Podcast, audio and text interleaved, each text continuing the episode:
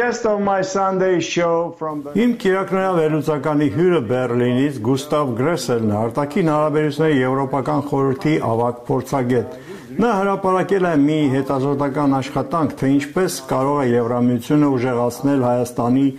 դիմադրողականությունը Լեռնային Ղարաբաղի պատերազմից հետո։ Պարոն Գրեսել, շնորհակալություն այս հարցադրույցի համար։ Թույլ տվեք սկսել հարցադրույցը Եվրոպական խորհրդի որոշմամբ Վրաստանին տեխնացուի կարգավիճակ տրամադրելու եւ Ուկրաինայի ու Մոլդովայի հետ անդամակցության բանակցություններ սկսելու վերաբերյալ։ Կարող եք խոսել այս զարգացման կարևորության մասին, ինչպես տարածաշրջանի, այնպես էլ Հայաստանի համար, խնդրեմ։ as well as for Armenia. Well, um, well, of course, it's uh, for Ukraine. It's predominantly a in the war a signal that it's not all in vain. Իհարկե Ուկրաինայի համար պատերազմի պայմաններում դա հիմնականում ազդանշան է, որ այն ամենը, ինչ նրանք անում են, իզուր չէ եւ որ ունեն ավելի լավ Ուկրաինա ունենալու հերանեկար։ Թեև դեռևս անորոշ են մնում հարցերը կապված նրանց առավել հրատապ պատերազմական կարիքների հետ, ինչպիսիք են ռազմական եւ երկիրը պահպանելու համար միկրոֆինանսական օգնությունը։ Եվ դա ցավալի է, սակայն գոնե սկզբունքորեն բաց դռների քաղաքականությունը շարունակում է ակտիվ մնալ։ Ինչ վերաբերում է Վրաստանին, ապա նա այժմ ունի տեխնացուի կարգավիճակ, բայց հաշվի առնելով այդ երկրի ներքաղաքական գործընթացները եւ քաղաքական կոռուպցիան, ես թերահավատ եմ, որ Վրաստանը կկարողանա արագ հասնել մյուս տեխնացու երկրներին եւ իրապես հայտնվել տեխնացու երկրների շարքում։ Տեխնացու դառնալն առնվազն խթան է Վրաստանի համար, բայց արդյոք ներկայիս կառավարությունը պատրաստակամ է կոսմետիկ փոփոխություններից զատ իսկական բարեփոխումներ կատարել։ Դա դեռ պետք է տեսնել։ uh, beyond cosmetic uh, is something that uh, remains to be seen.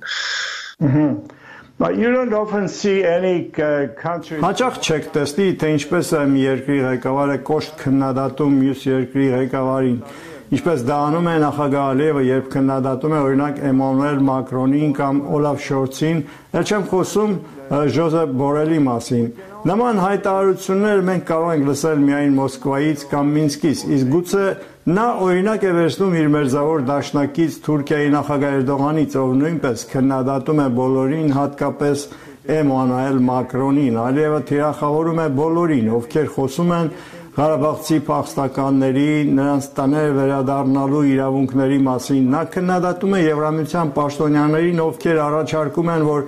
Եվրամիությունը պետք է ռազմական օգնություն տրամադրի Հայաստանին։ Տպավորություն է ստեղծում, որ Ալիևը վստահ է, որ իր գործողությունները հետևանքներ չեն ունենա։ Մի քանի անգամ Եվրամիության առաջնորդներին դրել է անհարմար իրավիճակում հրաժարվելով մասնակցել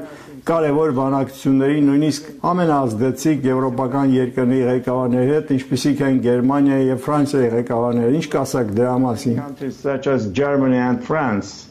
Well, what do you say about this?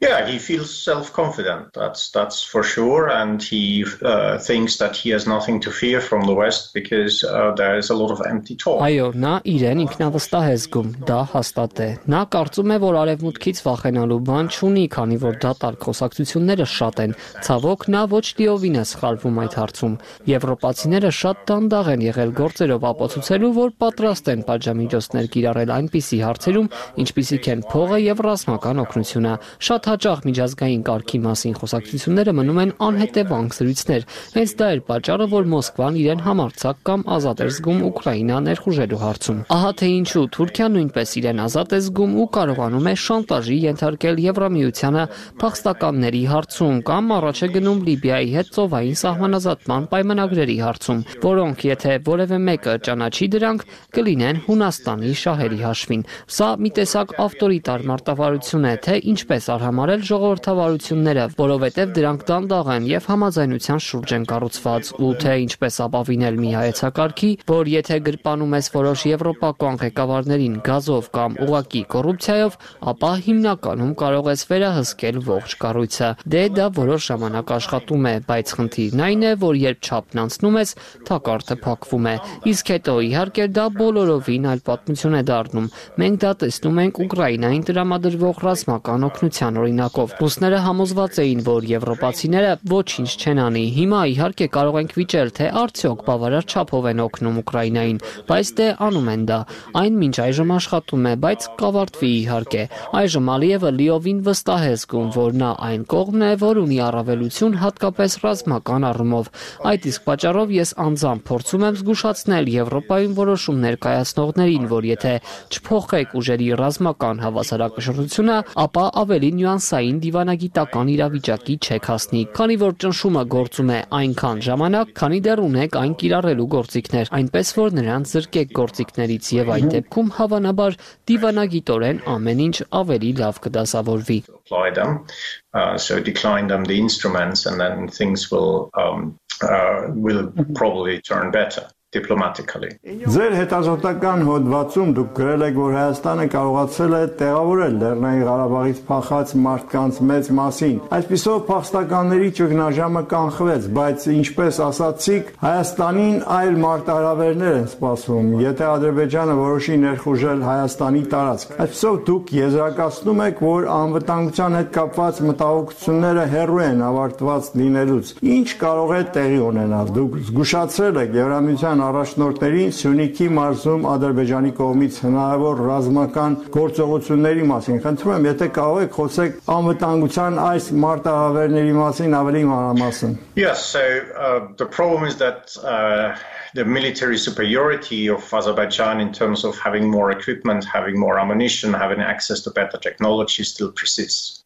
Now, uh, especially uh, southern Armenia, it, you have uh, high mountains, except for the very south, a few trees. Այո, խնդիրն այն է, որ Ադրբեջանի ռազմական գերազանցությունը ավելի շատ տեխնիկա ունենալու, ավելի շատ զինամթերք ունենալու, ավելի շատ տեխնոլոգիաների հասանելիության առումով դեռ պահպանվում է։ Հատկապես հարավային Հայաստանում, որտեղ ունեք բարձր լեռներ, բացառությամբ անմիջապես հարավում, որտեղ քիչ ծառեր կան, շատ քիչ բնական խոչընդոտներ կան, որտեղ կարելի է թաքցնել հետևակներին։ Այսպիսով ԱԹՍ-ների պատերազմի պարագայում, երբ օթում ունեք գերազանցություն, ունեք իրավիճակի վերաբերյալ վերաբերյալ կատարյալ իրազեկվածություն։ Դուք կարող եք բավականին հեշտությամբ հարվածել ավելի թույլ դիրքեր ունեցող հակառակորդին, եւ դա հիմնականում այն առավելությունն է, որն օգնեց Ադրբեջանին նաեւ 2020 թվականին, այնուհետև այս տարվա սեպտեմբերի 19-ի պատերազմում, որն այնքան կարճ էր եւ միակողմանի, այնպես որ վտանգը դեռ պահպանվում է եւ մենք լսում ենք Բաքվից հնչող ռետորաբանությունը, որում Հայաստանի հարավային հատվածներն անվանում են Արևմտյան Ադրբեջան։ Նրանք ասում են, որ մեզ խոստացել են միջանցք ու եթե չստանանք այն, մենք դա կվերցնենք եւ այլն։ Ոմանք ասում են, որ դա պարզապես ռետորաբանություն է, բայց եթե նայեք թե ինչ է տեղի ունեցել Ուկրաինայում, եթե նայեք թե ինչ է տեղի ունեցել վերջին 3 տարիների ընթացքում Լեռնային Ղարաբաղում, ապա իհարկե կարող եք ասել, որ այս ռետորաբանությունը ինչ որ պահի գործողության է վերածվում։ Եվ հիմա իհարկե մենք մտնում ենք ձմեռ, որտեղ Ադրբեջանի տեխնոլոգիական առավելությունն էլ ավելի մեծ է, քանի որ նրանք ունեն ավելի լավ ձմեռային հանդերձանք, շատ շատ անօթաչուներ, շատ ինքնաթիռներ, ջերմային տեսողության սարքերով հագեցած շատ տանկեր, որոնք կարող են հատկապես ծմրանը հեշտությամբ բացահայտել թիրախները։ Այսպիսով կա այս խնդիրը, իսկ Ալիևը, ով մինչ այդ հայտարարում էր, որ ամբողջ Ադրբեջանը իմն է եւ որևէ մեկի համար էքսկլավներ ունենալու իրավական հիմքեր չկան, հանկարծ սկսում է բացահայտել, որ Հայաստանում պետք է լինեն ադրբեջանական անկլավներ եւ բարձրաձայնում է այդ հարցերը։ Սրանք բոլորը նշաններ են, որ նա չի բացառում հետագա հետագա ռազմական ուժի կիրառումը եւ ունի դրա հնարավորությունը։ Այդ իսկ պատճառով ես եվրոպացիներին ահազանգեցի, որ դուք պետք է ինչ-որ բան անեք, որովհետեւ Եվրոպայում այնքան էլ չեն հասկանում, որ այժմ հակամարտության բնույթը փոխվել է։ Նախկինում, երբ խոսքը վերաբերում էր Լեռնային Ղարաբաղին, դասական անհրաժեշտություն կար հավասարակշռելու պետության ինքնիշխանության իրավունքները փոքրամասնության ինքնորոշման իրավունքի հետ, ու Եվրոպան դժվարությամբ պայծանում էր դա։ Ու եթե հիշում եք բոլոր քննարկումները արևմտյան Արևմտյան Բալկանյան պատերազմներում այն մասին էին, թե արդյոք մենք պետք է ճանաչենք Սլովենիան կամ Խորվաթիան, արդյոք մենք պետք է ճանաչենք Բոսնիան, իսկ ինչպես վարվել Բոսնիայում սերբական փոքրամասնության հետ։ Դեյթոնյան պայմանավորվածությունները մեկ վայրկյանում չեն ձեռք բերվել։ Դա շատ երկար գործընթաց էր, թե ինչպես լուծել այս երկու սկզբունքների հարցը։ Եվ նույնը իհարկե եղել է այս հին հակամարտությունում, բայց այն այժմ լուծված է։ Ինձ դուր չի գալիս լուծումը, բայց հիմա դա այդպես է։ Իսկ հիմա ըստ էության խոսք խոսքը զուտ միջազգային սահմանների ու Հայաստանի ինքնիշխանության մասին է։ Հայաստանի իշխանության վերահսկողությունից դուրս միջանցքը Հայաստանի ինքնիշխանության ակնհայտ խախտում կլինի, իսկ եվրոպացիներն այստեղ իրականում անաչառության հիմք չունեն։ Հայաստանն ունի իր սահմանների նկատմամբ իրավունք եւ ունի ինքնիշխանության իրավունք, ինչպես Ուկրաինան ունի իր սահմանների եւ ինքնիշխանության իրավունք։ Այսպիսով խոսքը արժեքների հավասարակշռության մասին է, որը այս հակամարտությունում կտրուկ փոխվեց այս տարվա սեպտեմբերի 19-ին, եւ եվրոպացիները դեռևս չեն հասկանում դա, չեն հասկանում, որ հիմա դա էթնիկ հակամարտություն չէ, որտեղ պետք է անկողմնակալ դիրքորոշում պահպանել կողմերի միջև, որովհետեւ իհարկե պետք է խուսափել մեկ էթնիկ խմբի կողմը բռնելուց։ Հիմա դա միջպետական հակամարտություն է սահմանների եւ ինքնիշխանության շուրջ, ինչն իրավաբանորեն բոլորովին այլ բան է։ Ինչ վերաբերում է նրան, թե արդյոք եվրոպացիները պետք է զգույշ լինեն եւ չզիջեն հակամարտության կողմերից մեկին, դե դա չպետք է անել նախորդ փուլում, կամ կարող եք պնդել, որ խելամիտ չէր դա անել նախորդ փուլում, բայց հիմա մենք հստակ ունենք պայքար միջազգայինորեն ճանաչված սահմանների համար, ոչ թե Արցախի հանրապետության, այլ միջազգայինորեն ճանաչված սահմանների համար sort of taking side of one ethnicity in, in such a or now it's a it's an interstate conflict on on borders and on sovereignty. Uh, that's that's legally a completely different affair, uh, and hence also there there for example the European caution and say well we shouldn't arm one side in the conflict. Um, yes, if you you should not arm uh, or you should not do that uh, in the previous phase or you could argue that it was not Իրավական առումով դա այլ բան է, իսկ դուք այս դեպքում կապված չեք անաչառությամբ ու չեզոքությամբ, քանի որ Հայաստանն ունի իր սահմանների նկատմամբ իրավունքը։ Այնպես որ այո, այդ իսկ պատճառով մեր հոդվածում առաջարկվում է ռազմական օգնություն տրամադրել Հայաստանին։ Իհարկե Հայաստանը շատ անելիքներ ունի անելու, որպես հավաքական անվտանգության պայմանագրի կազմակերպության անդամ երկիր, նա հետևում էր խոր խորհրդային ռուսական ավանդույթներին եւ օրինակներին, եւ ինչպես տեսնում ենք, նաեւ Ուկրաինայում պատերազմելու այս ձևն այնքան էլ հաջող չէ, բայց մյուս կողմից դրանից շեղվելը երկարաժամկետ գործընթաց է։ Մենք նաեւ տեսել ենք Ուկրաինայում, որ 2014 թվականից ի վեր մի քանի տարբեր պաշտպանական բարեփոխումներ են պահանջվել, որպեսզի ուկրաինացիներին հասցնեն այնտեղից, որտեղ նրանք եղել են 2014 թվականին դեպի այնտեղ, որտեղ նրանք այժմ են գտնվում եւ որտեղ ակնհայտորեն ավելի ունակ են։ Իսկ Հայաստանում իհարկե սա եւս կլինի երկարաժամկետ գործընթաց, որը կրկին մարտահրավեր է նետում եվրոպացիներին,